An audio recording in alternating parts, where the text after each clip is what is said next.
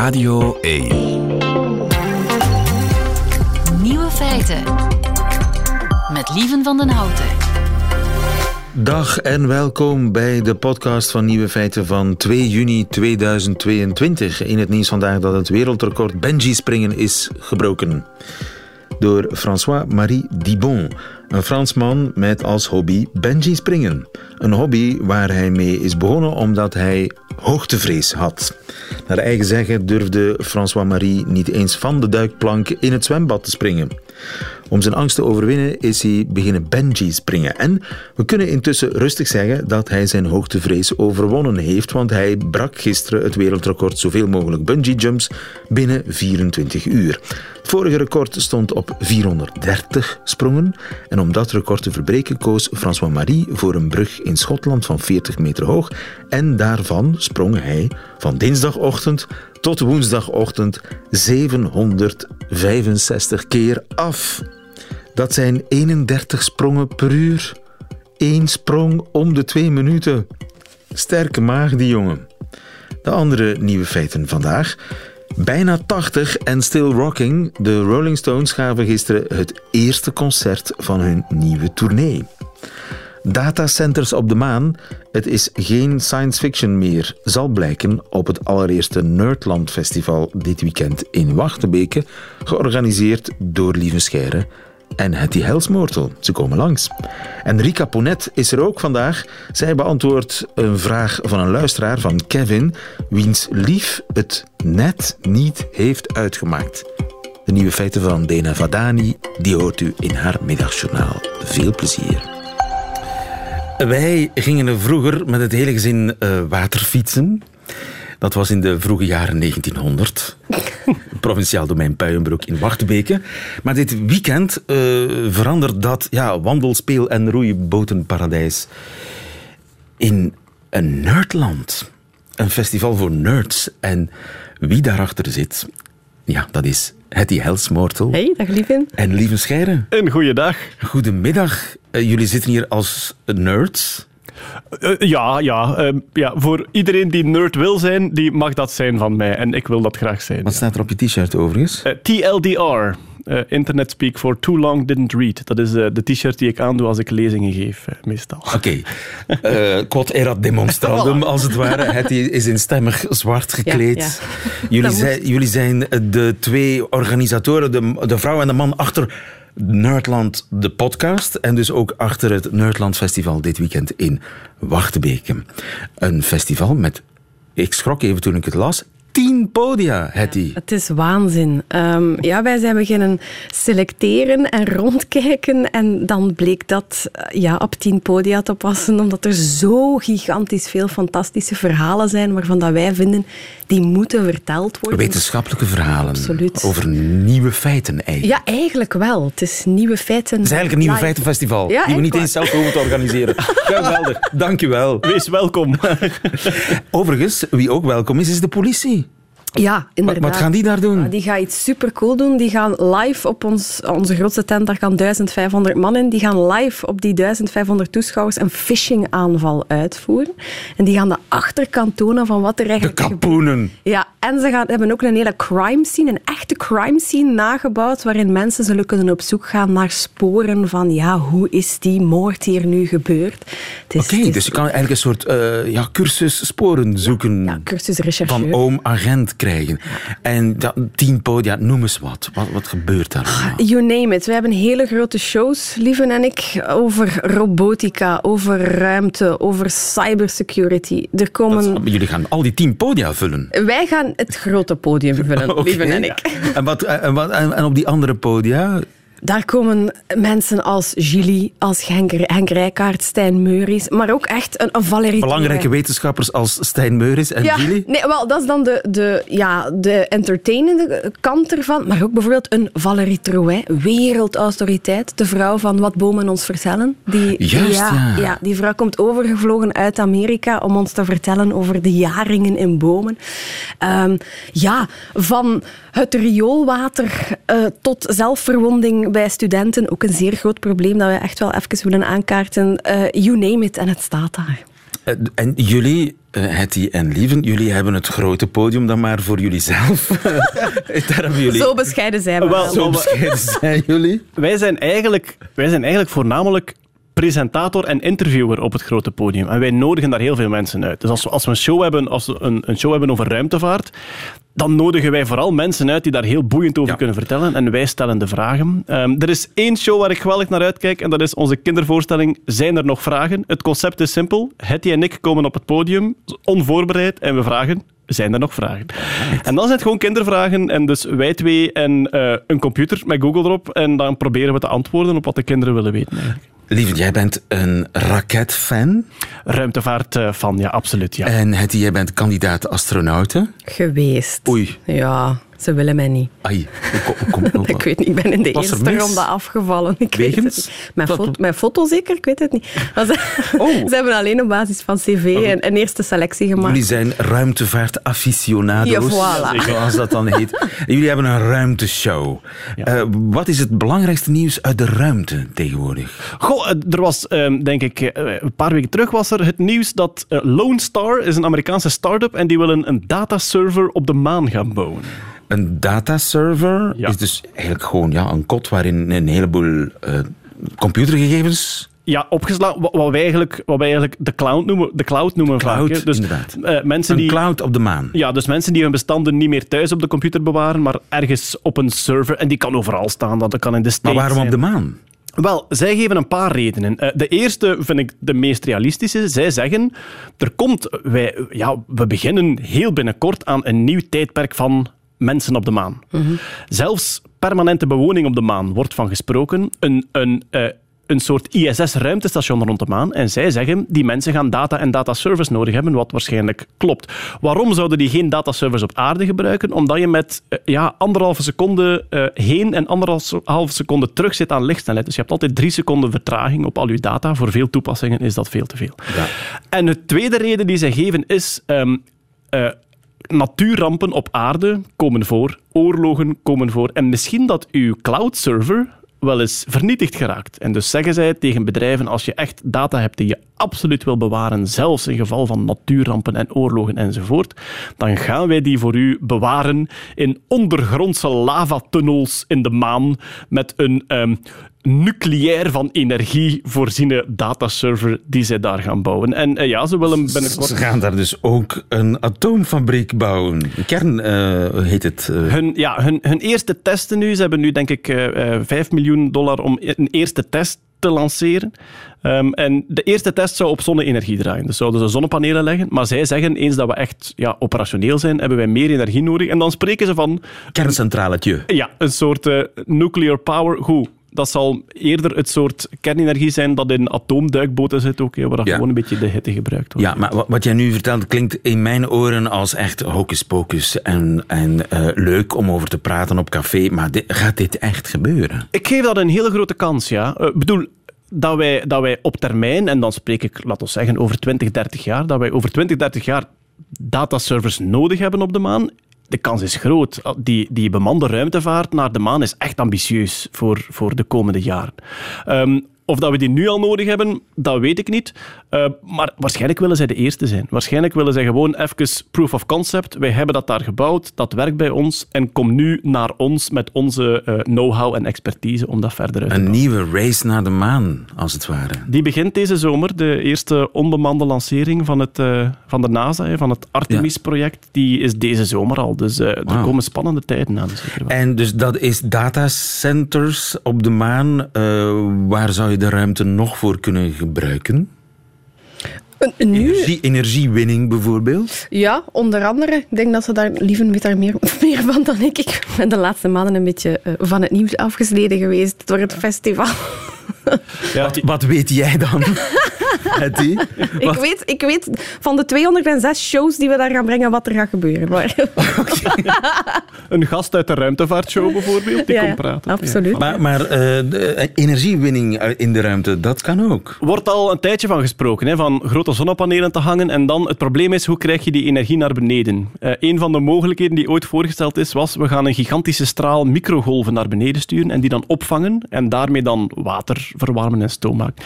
Het probleem was dat elke vogel die daardoor vloog uh, veranderde in gebraden kip. Uh, dus dan hebben ze daar toch maar van afgezien. Waar nu ook van gesproken wordt, is um, mijnbouw in de ruimte.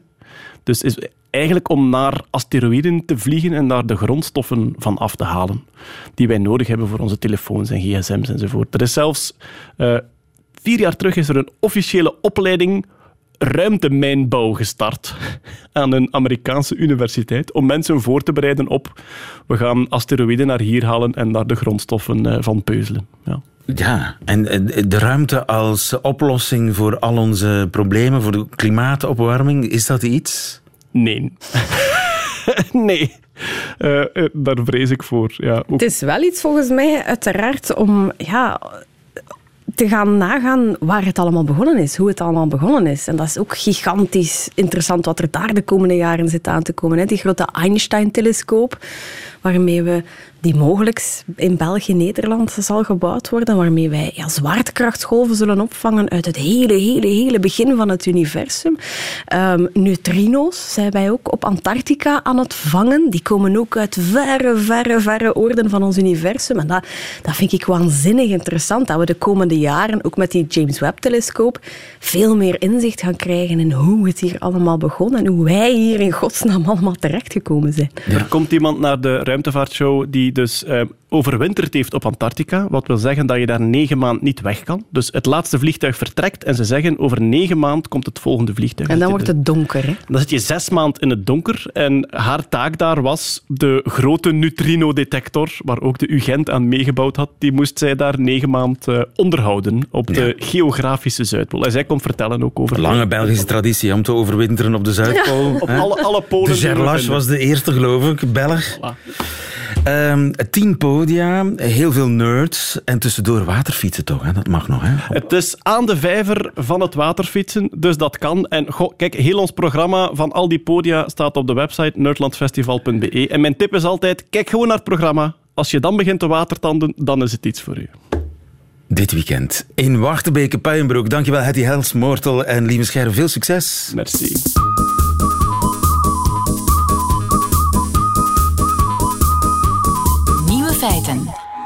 Bijna 79 is hij, maar nog altijd geen satisfaction.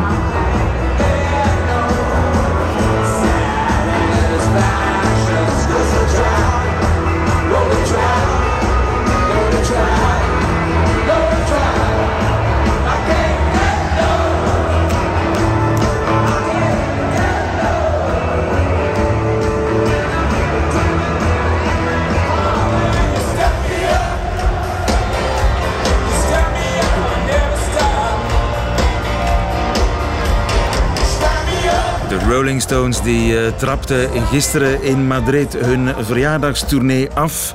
Die heet uh, 60. Goedemiddag, uh, Mark Koenegracht. Goedemiddag, lieve. Journalist bij het laatste nieuws. Je was erbij. Ja, dat klopt. Ik had het geluk om de Europese première mee te mogen maken. En? Ehm, overweldigend en weggeblazen. Um, er naartoe gaan we een heel klein beetje schrik, omdat het toch ja, zeg maar bejaarde rock'n'rollers zijn. Maar dat bleek op geen enkel moment het geval te zijn. Maar Mick Jagger is op dit moment 78. Hij wordt volgende maand 79. Dat is een leeftijd waarop de meeste mensen... Ja... Zich... Een, een rollator moeten gebruiken, ja. Rollators, maar, uh, ja. wandelstokken. het was... Ja, precies. Het was haast bovenaards uh, onwaarschijnlijk hoe die gast met een, ja, heeft, heeft nooit de allerbeste stem gehad, maar die stem was, was perfect. Het klonk ook heel scherp en heel, heel sterk. En hoe die twee uur lang over dat podium dweilde, onwaarschijnlijk. Onwaarschijnlijk. Dus de stem is nog in orde en, en de benen? Ook, absoluut. Ja, weet je, 25 jaar geleden dan, dan liep hij een kleine marathon uh, op, uh, op het podium. Dat doet hij niet meer.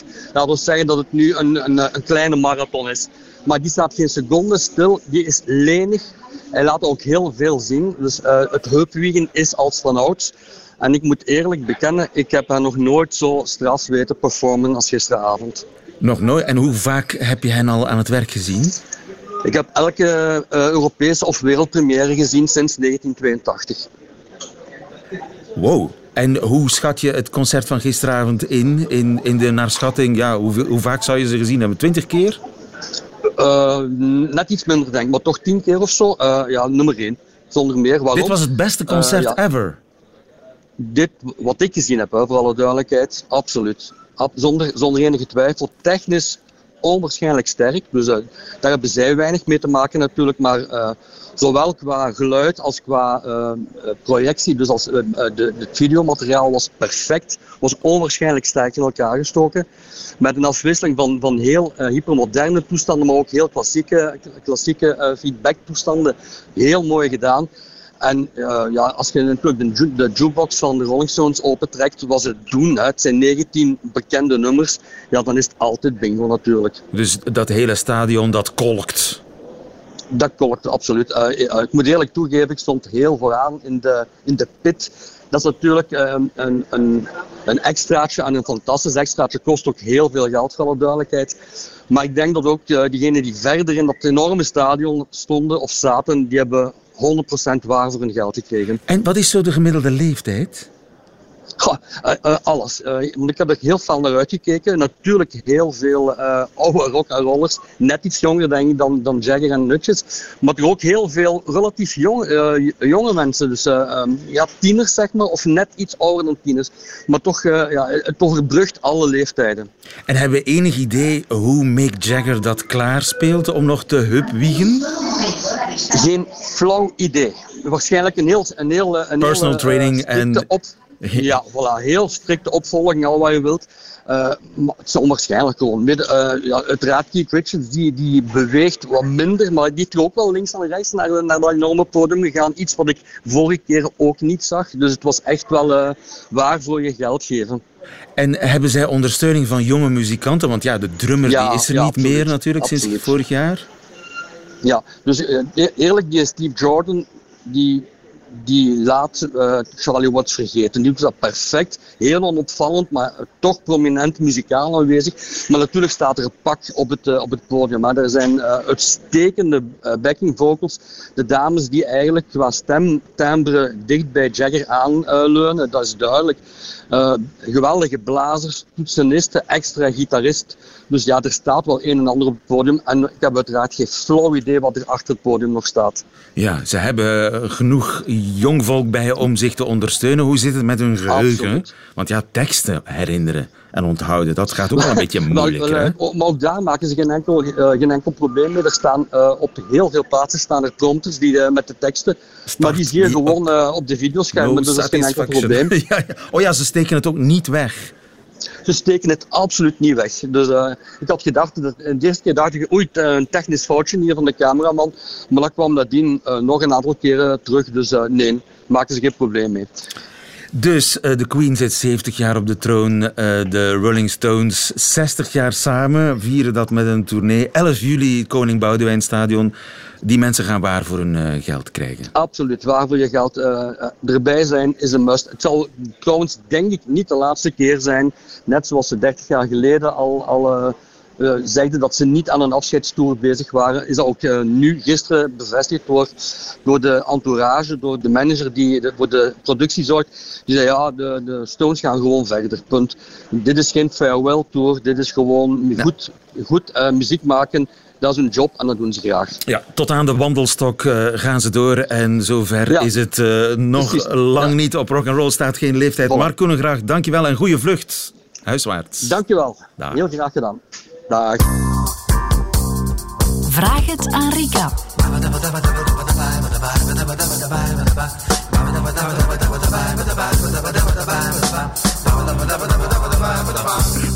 Het is uh, donderdag 2 juni 2022. En hier is verschenen, zoals op elke donderdag, Rika Ponet. Goedemiddag, lieve. Goedemiddag, Rika. Ik heb uh, vele, vele, vele brieven gekregen voor jou met allerlei klachten en vragen. Ja. En uh, ik pik er eentje uit van Kevin, mm -hmm. die 28 is en die schrijft het volgende. Beste Rika, mijn lief wil na bijna drie jaar meer afstand en ook geen label meer op onze relatie om meer zelfstandigheid en een onafhankelijk leven te houden, zegt ze.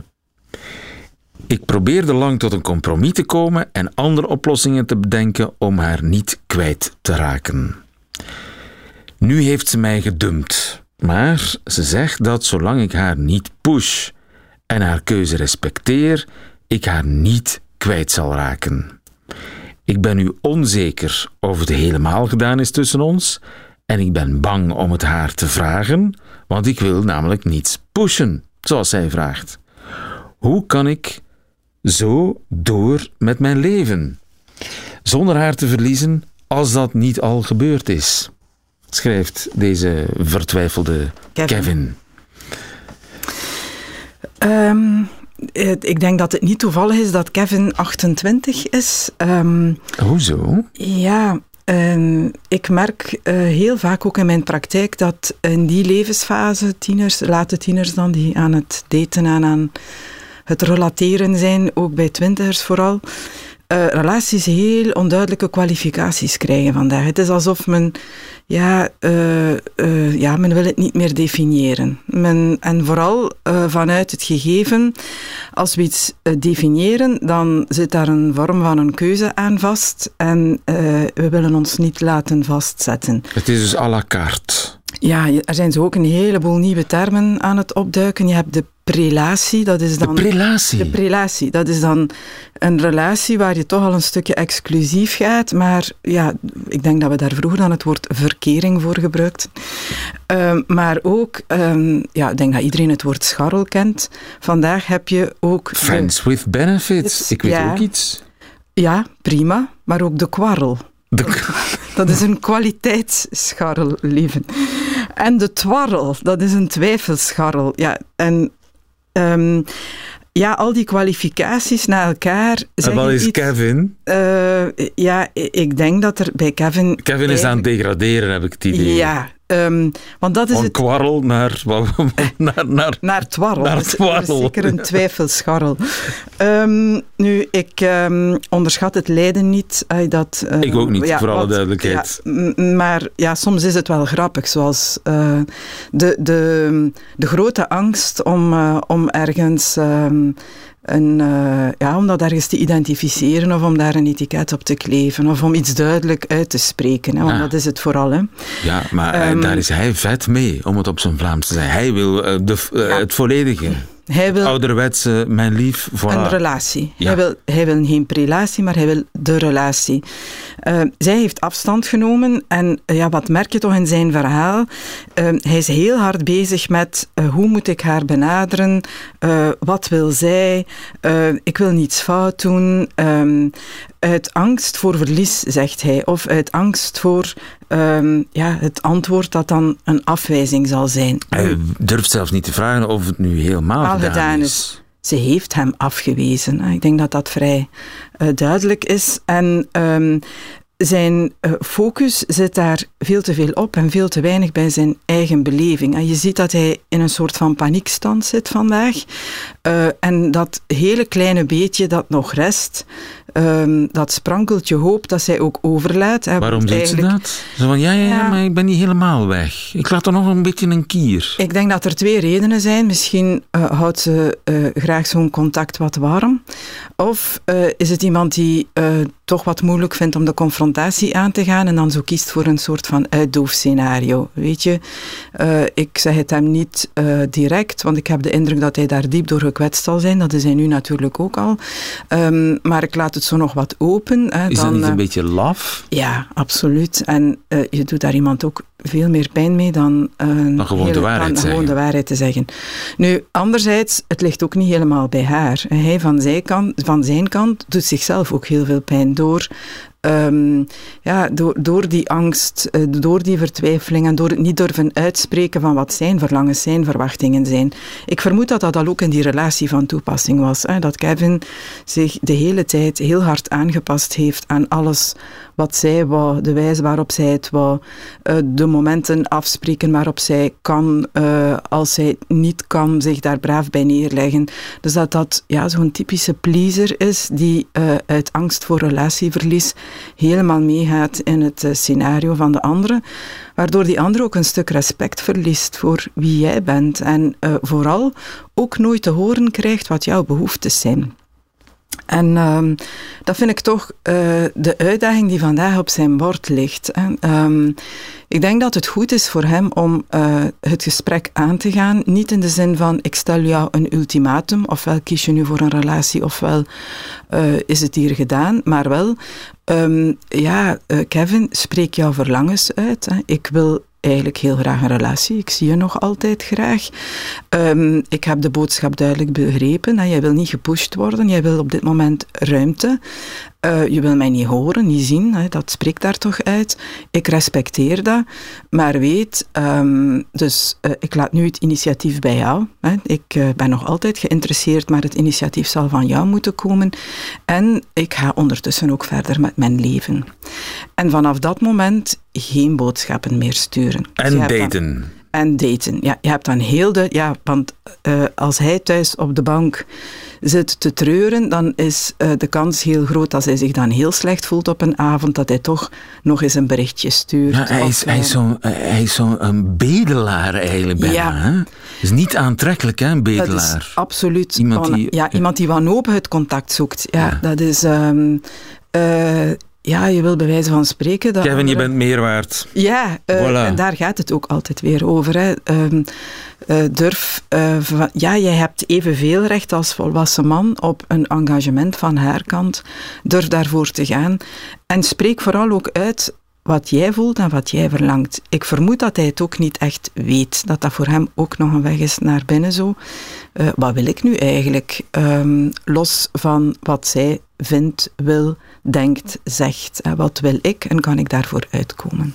Ik hoop, uh, Kevin, dat we jou een paar richtlijnen hebben gegeven waar je weer mee verder kunt. Dank voor je brief in elk geval. En zijn er nog mensen die vragen hebben voor Rika?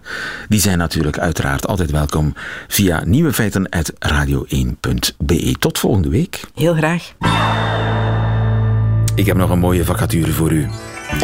Postkantoor Port Lockroy is op zoek naar vier medewerkers. Is dat niet iets voor u? Detail wel, het postkantoor ligt op Antarctica. En medewerkers moeten er vijf maanden aan een stuk doorbrengen.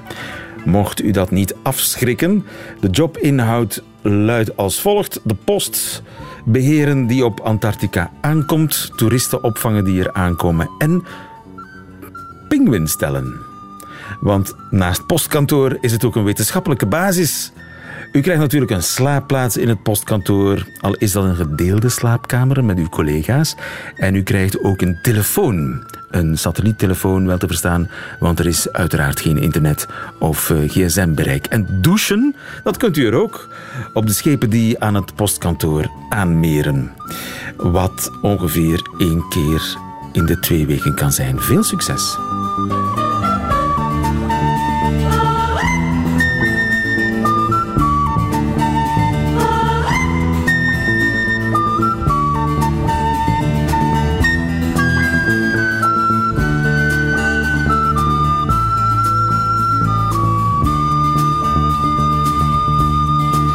De rechtszaak rond smaad en huiselijk geweld, dat weet u, tussen eh, Johnny Depp en Amber Heard, die is grotendeels uitgedraaid in het voordeel van Johnny Depp. Maar voor de fans van eh, Johnny is dat kennelijk niet voldoende, want zij willen nu dat Camille Vasquez, zijn advocate, volgend jaar gaat meespelen in de film Aquaman 2. Ze willen haar als Mera de advocaat heeft voor heel veel fans zoveel star quality dat ze een rol verdient in een grote Hollywood-productie, zeggen ze. En de filmstudio achter Aquaman die krijgt nu dagelijks duizenden en duizenden berichten met de vraag om uh, Vasquez te casten voor die nieuwe film. Maar waarom uitgerekend die rol in die film? Wel, de filmstudio heeft al iemand om die rol te spelen, namelijk ene Amber Heard. Ja, qua nieuw feit kan dat toch tellen?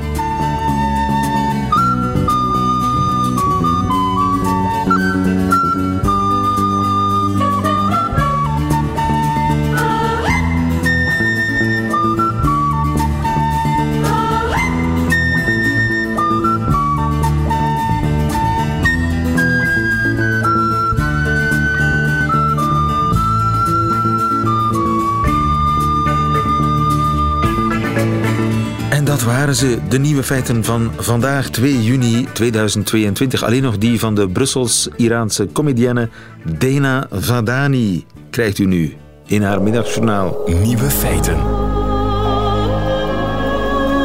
Middagjournaal. Waarom schaam ik mij zo hard dat ik niet genoeg boeken lees? Boeken lezen is zo cool. En het geeft zo'n intellectueel kantje, weet je. Maar ik kan precies nooit een moment vinden waar ik rustig een boek lees. Ik ben verslaafd aan mijn gsm, aan mails beantwoorden of ze op de coolste manier te negeren en natuurlijk ook social media.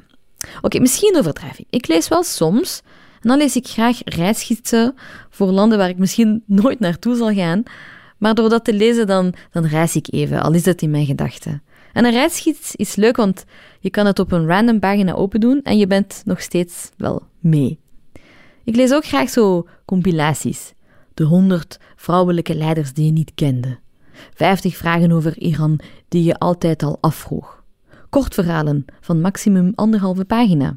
En graphic novels. Oh ja, graphic novels. Nu lees ik Sapiens van Yuval Noah Harari in stripformaat en het is zo leuk. Maar het boek zelf lezen, oeh, oh nee, nee, nee. De pagina's alleen al schrikken me af. Maar een strip, tekeningen, kleuren, storytelling, yes sir. En Harari heeft rechtstreeks of onrechtstreeks beantwoord op een vraag die ik al altijd had, namelijk waarom kijk ik, ik die mezelf, ondanks het weinig lezen van boeken, als intelligent beschouw, naar reality TV? Shame on me. Maar het antwoord is, het is menselijk. Dat zegt Harari. Wij als mensen onderscheiden ons van dieren omdat we roddelen, omdat we graag verhalen vertellen, ons verhalen inbeelden, omdat we geloven in dingen die niet bestaan. Kijken naar reality TV, pak bijvoorbeeld het Amber Heard en Johnny Depp proces. Ik heb daar uren en uren en uren naar gekeken. Wel, eigenlijk vooral geluisterd. Terwijl ik zoveel andere leuke dingen had kunnen doen, zoals een echt boek lezen of ja, iets anders lezen gewoon, dan gewoon luisteren naar een random proces. Maar nee, ik koos om te horen over gekke verhalen, verhalen over verhalen van anderen. Maar nu denk ik, het is niet erg, het is oké. Dat was mijn oerinstinct die, net zoals mijn voorouders die rond een vuur luisterden naar de grote shamanen, die vertelden over de geesten van de grot, heb ik voor mijn tv geluisterd naar de vurige verhalen van de moderne shamanen van vandaag. En geef toe, zelfs jij bent nu entertained door mijn verhaal.